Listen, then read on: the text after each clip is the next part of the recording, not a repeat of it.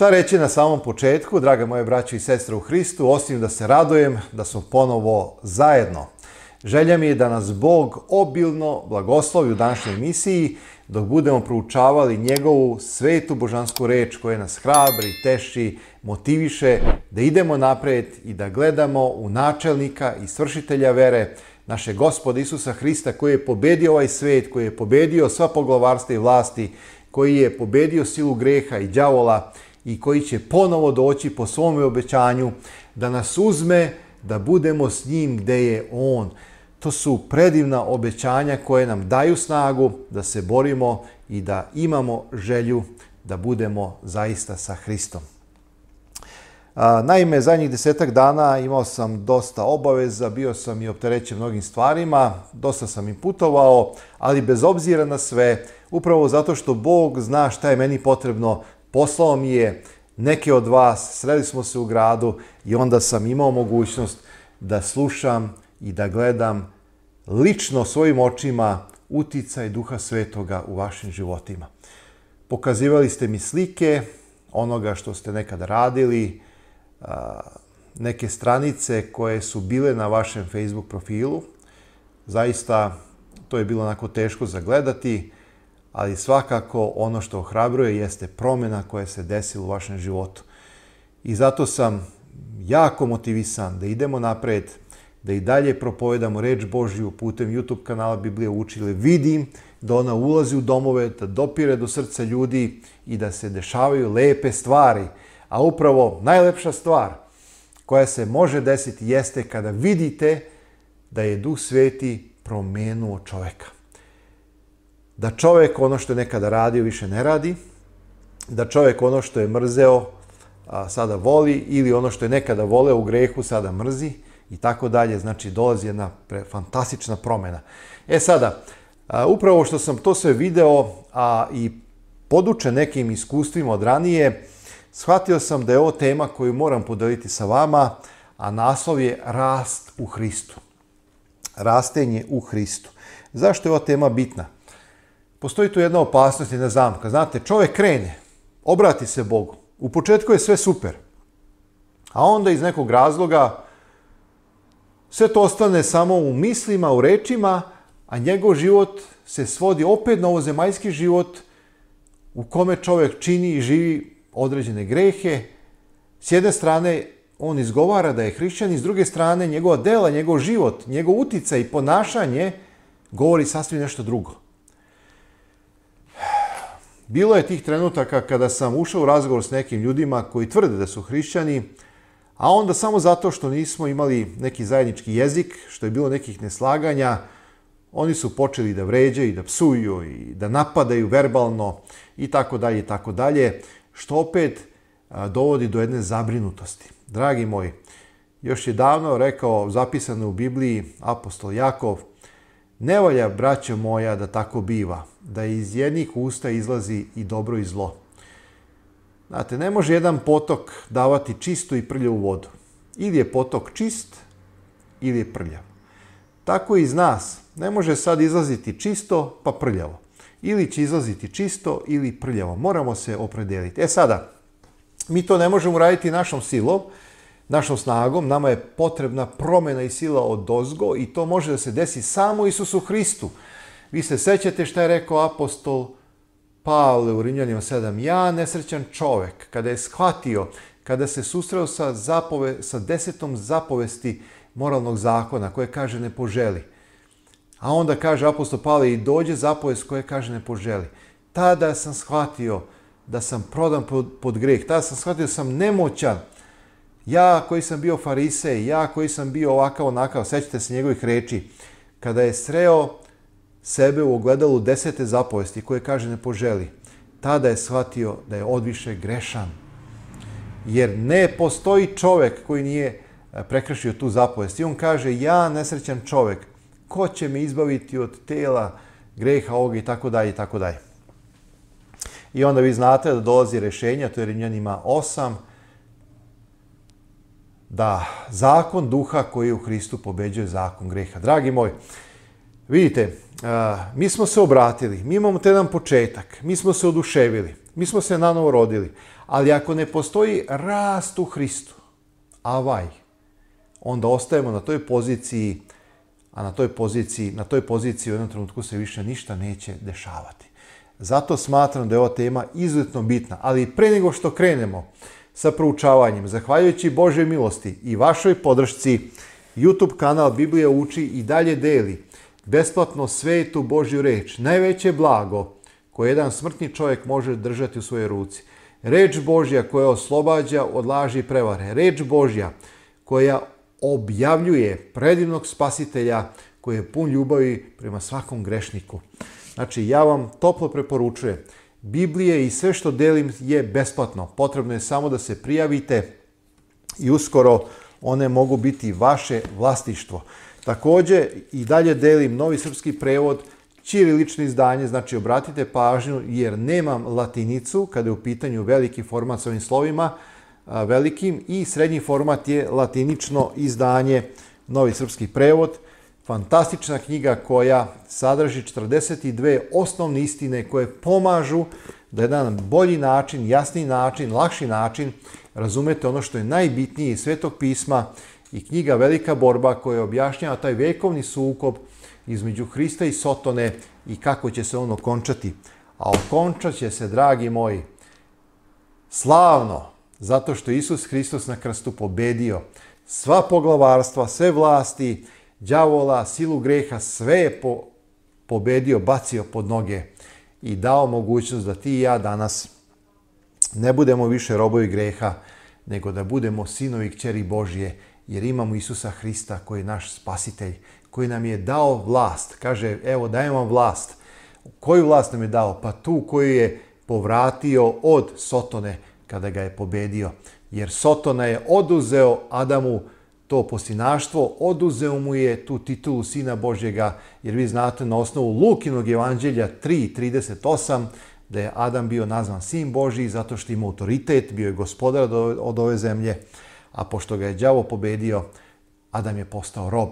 U Isusu Hristu mi više nismo robovi greha, mi smo sinovi kćeri Božje i zato proslavljamo našeg spasitelja sveta.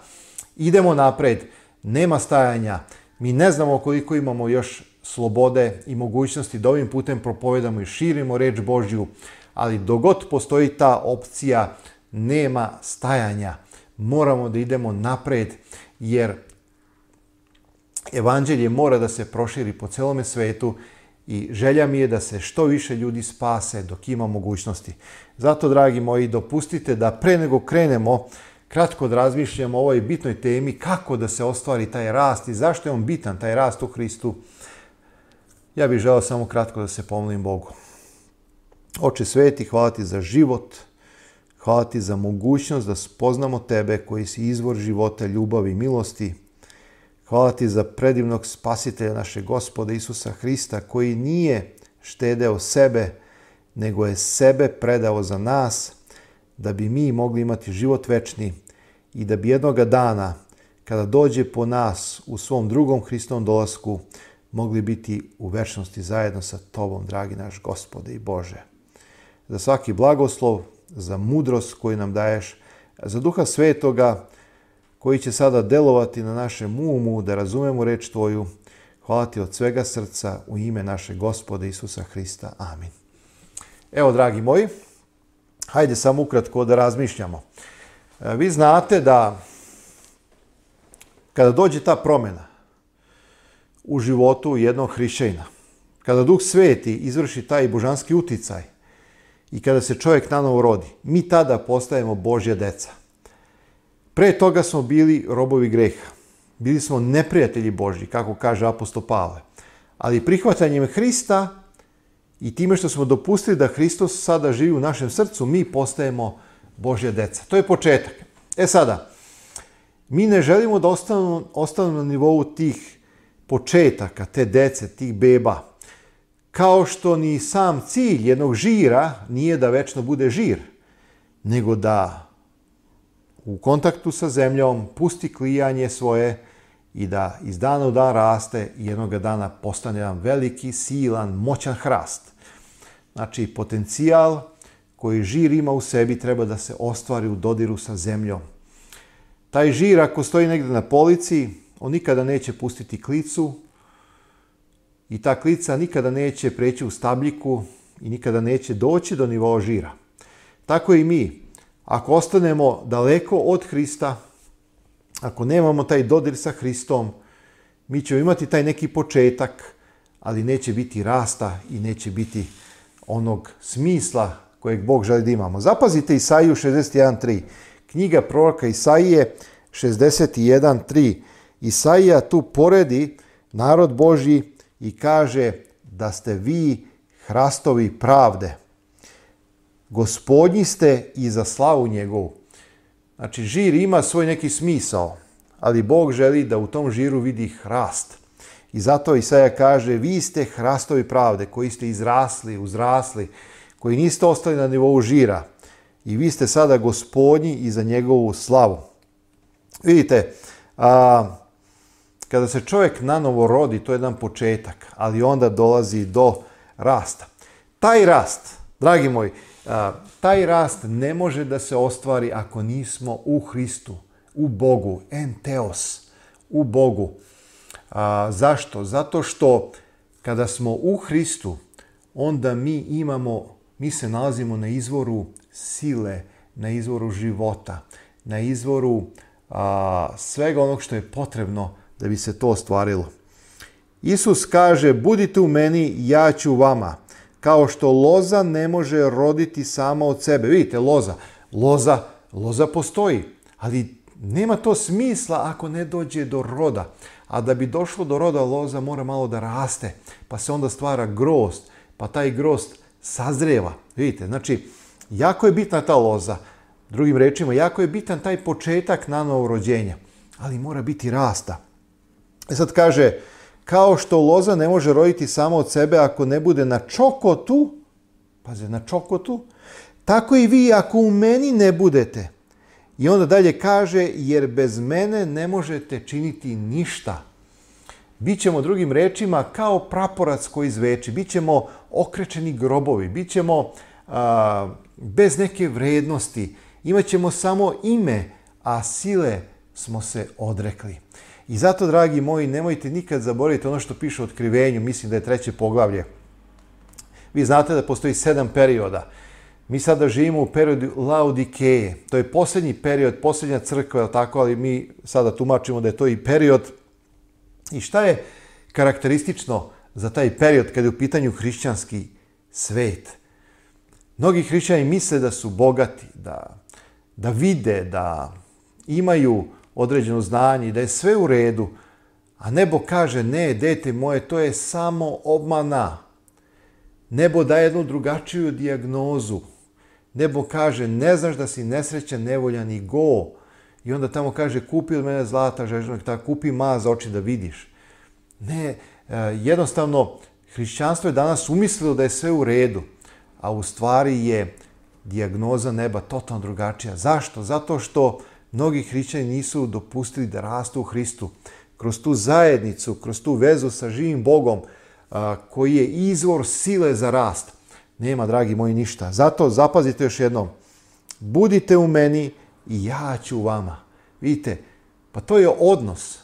To nije nešto pored, to je u meni. To nije Bog pored mene, to je Bog u meni i ja u Bogu.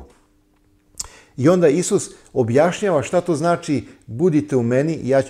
i kaže kao što loza ne može roditi sama od sebe ako ne bude na čokotu, tako i vi, čokot je Bog, on je izvor tih sokova koje pune taj grozd i koje, koji, čine da, da, koji čini da bude taj rod, da sazre. I kaže, tako i vi u meni da budete, jer bez mene ne možete činiti ništa. Ako dođete do vinove loze, odsečete onu stabljiku i bacite na zemlju, šta će se desiti? Kada to odvojite, kada uzmete nož i odsečete. Pa jednostavno doći do toga da ta loza koja je odsečena, da ona sada jednostavno postaje suva, da umire. E to se dešava sa hrišćaninom koji i dalje ima naziv hrišćanin, kao što i dalje ta mala loza ima naziv loza, ali to više nije živa loza. To je za par dana suva loza koja umire. Ne mogu da prenaglasim koliko je ovo bitno, dragi moji, koliko je ovo važno, ovo je suštinsko. O ovome, na ovome se temelji nauka Novog Zaveta.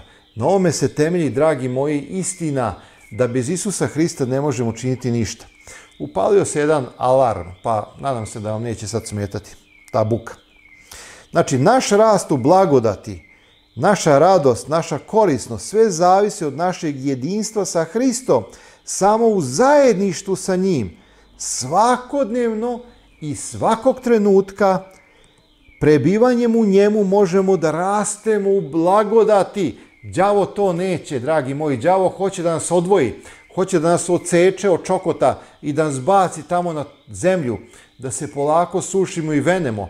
Ljudi će reći da vidi ovo je vinova loza, jeste vinova loza, ali kakva? Mrtva, suha, koja nikada neće doneti rod jer je odvojeno od čokota. Ne mogu da prenaglasim, evo vraćam se ponovo, kada čitamo Bibliju, reč Božju, kroz nju protiče Duh Sveti i ona nam daje život, ona nas uvodi u spasonosni odnos sa našim Bogom. To nije samo e, otišao sam dva, tri puta godišnju crku, omantao sam nešto i sad sam ja hrišćanin, a onda ideš, psuješ, mlatiš sve živo, pričaš masne viceve, napijaš se alkoholom, truješ se cigarama i tako dalje, drogama, ko zna čemu, ideš na, u kladionice, kockaš se, a, živiš nemoralno, ležeš u tri noću, uništavaš i, i svoje telo koje je hram Duha Svetoga svojim načinom života i onda kažu, o, obesiš krst tobaka od pola metra sa nekim debelim zlatim lancem, ajde da kažemo zlatnim, ima i srebrnih, kako god, i sad se ti pokazuješ ili voziš škola, a ono na retrovizoru ovakav krst visi samo se ljulja da bi neko sa strane vidio da si ti hrišćanin. Ma nema od toga ništa, dragi moj. To je laž i prevara. To nema veze sa Isusom Hristom niti sa istinom koja je u Svetom pismu, Starom i Novom Zavetu. Tu, tu, to, to su obmane, to je samo obličje pobožnosti, a sile su se, kaže, odrekli. Vidite, Naš rast u blagodati, naša radost, naša korisnost, sve zavisi od našeg jedinstva sa Hristom. Samo u zajedništu sa njim, svakodnevno. Isus kaže ja sam hleb koji siđe s neba. A šta treba da radimo sa hlebom? Hleb je hrana koja je prisutna svakodnevno. To nije sezonska hrana kao kada dođu lubenice, jedemo mjesec, dva i onda ih više nema. Ili ne znam, dođu kajsije, breske, govorim za ovo naše podnevlje. Hleb je svakodnevna hrana prisutna na stolu i najsiromašnijeg i najbogatijeg. Postoje pića koja se piju na određene praznike, u određenim situacijama kada su u pitanju neka slavlja, ali hleb je svakodnevna hrana. Zato Isus kaže za sebe da je hleb. On nije rekao da je neko sezonsko a, povrće, voće ili šta ja znam. Zašto hleb? Pa zato što je hleb prisutan svakodnevno na svačim stolu u svakom kutku ove naše zemlje. Znači, samo u zajedništu sa njim, svakodnevno, svakog trenutka prebivanju njemu, možemo da rastemo u blagodati. On nije samo tvorac, nego je i svršitelj naše vere kroz Hrista, je li tako? U Isusu Hristu je on svršitelj naše vere. Nije samo naš tvorac, nego onaj koji hoće da vrši.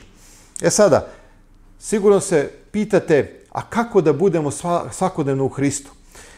Kaže e, u Kološanima 2.6 i Jevrejima 10.38 Kako da ostanemo u Hristu? Na isti način kako ste ga u početku primili. Kako, dakle, primiste Hrista Isusa, gospoda, onako živite. A šta se dešava? Ljudi brzo zaborave kako su primili Hrista. Brzo ih ovaj svet obmane. To je ono što je Isus govorio o semenu koje pada na četiri različita zemljišta. Samo na jednom zemljištu donosi rod, drugim rečima dešava se rast. Obratite pažnju koliko ima sličnih slika i kako se istina prepliče kroz razne priče i nauku koju Isus donosi. Mi ovde govorimo o jednim tekstovima, ali postoji, postoje mnogi drugi tekstovi koji govore o istoj stvari. Naglašavaju taj rast Znači, jedno seme padne pored puta, usahne, jedno padne u trnje, krene, ali ga trnje uguši, a kaže jedno padne na dobru zemlju i donese rod, rod, rod. I vidjet ćete koliko puta Isus naglašava taj rod koji je jako bitan, taj rast, dragi moj. Ne znam, toliko, toliko sam obuzet ovom istinom i toliko smatram da je bitna da, da prosto ne mogu da pronađem sve te tekstove, mislim, nemam vremena sve to da iznesem pred vas. I sada, dalje zapazite ovo. Posvetite ujutru sebe Bogu, neka to bude vaš najvažniji posao, neka vaša molitva bude uzmi me gospode da potpuno budem tvoj. Sve svoje planove stavljam pred tvoje noge, upotrebi me danas u tvojoj službi. Ostani sa mnom i neka sam moj posao bude izvršen u tebi. Ovo treba svakoga dana, dragi moji, da izgovaramo. Nemojmo krenuti ujutru u život, u naše obaveze. Nemojmo krenuti da izvršavamo svakodne naše planove bez da smo prvo otvorili ujutru srce našem Bogu i rekli Bože, danas želim da budem Tvoj. Sve svoje planove stavljam pred Tebe. Upotrebi me danas. Uzmi me, Gospode. Želim da potpuno budem Tvoj. I evo idemo još malo samo nekoliko lepih misli. Isus kaže, budite u meni, Jovan 15.4. Ove reči saopštavaju misao o odmoru, sigurnost. Pazite, Isus kaže, mir svoj ostavljam, mir svoj dajem vam. Ne dajem vam ga kao što sve daje. Da se ne plaši srce vaše i da se ne boji. Onda ono predano obećanje. Znači, mir koji preozilazi svaki um je samo u Hristu, ali ga možemo imati samo kad smo u Hristu. Ne kad je Hristos tamo negde pored nas, nego samo kad smo mi u Hristu i kad je Hristos u nama. Kaže, budite u meni, Jovan 15.4. Ove reči saopštavaju misa o odmoru, sigurnosti poverenju. On još jedan put poziva, hodite k meni, ja ću vas odmoriti, Matej 11.28. Psalmista izražava značajnu misa o sljedećim rečima – osloni se na gospoda i čekaj ga. A Isaija uverava, u miru, u zdanju, bit će sila vaša. Ako želite čitati, pišite Psalam 37.7, Isaija 30.15. Ovaj odmor, dragi moji, ne nalazi se, ne nalazi se u neradu. Spasitelj daje odmor samo ako nosimo njegovo breme. Kaže, breme moje lako. Breme moje lako. I evo za kraj jedna misao koja me zaista tako silno povezuje sa Isusom Hristom, jer vidim koliko je Isus Hristos uradio za mene, za sve vas, za tebe. Hristos je, uzimajući na sebe čovjekovu prirodu, povezao ljudski rod sa sobom vezom ljubavi koju nikakva sila, osim samog čoveka, mene ili tebe, nikada ne može prekinuti. Još jednom, dragi moji, Hristos je, uzimajući na sebe čovjekovu prirodu, To je ono što kaže apostol Pavle u Evrejima 2. Tako i on uze deo u tome, uze telo i krv, da smrću satre onoga koji ima državu smrti, to je đavola, i da izbavi sve one koje od straha smrti u svemu behu robovi. Znači, Bog nas je izbavio, Bog je postao deo nas. Isus Hristos je uzeo telo i krv. Kaže, još jednom, Hristos je uzimajući na sebe čovjeku prirodu povezao ljudski rod sa sobom vezom ljubavi koju nikakva sila, osim tebe ili mene, znači samog čoveka, nikada ne može prekinuti. Dragi moj, ovo su fantastične stvari i s ovim mislima ja bih završio današnje eto, moje izlaganje, proučavanje reči Bože koju delim sa vama. Preneo sam ono što mene oduševljava, zašto smatram da je jako bitno jer bez tog rasta u Hristu nema nikakvog smisla naš hrišćanski život. Žir nema nikakvog smisla ako nije počeo da klija, ako nije počela da se sta, rađa mala stabljika hrasta koja prerasta onaj veliki, snažni hrast koji je na slavu gospodnju u njegovom domu.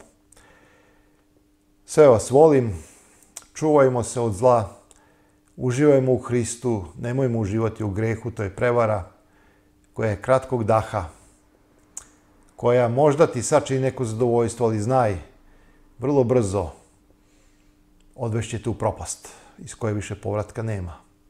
Zašto da ginemo kada se nalazimo na pragu večnosti? Zašto da doživljamo poraz kada je u Hristu pobeda? Zašto da nas greh muči kada u Hristu imamo silu?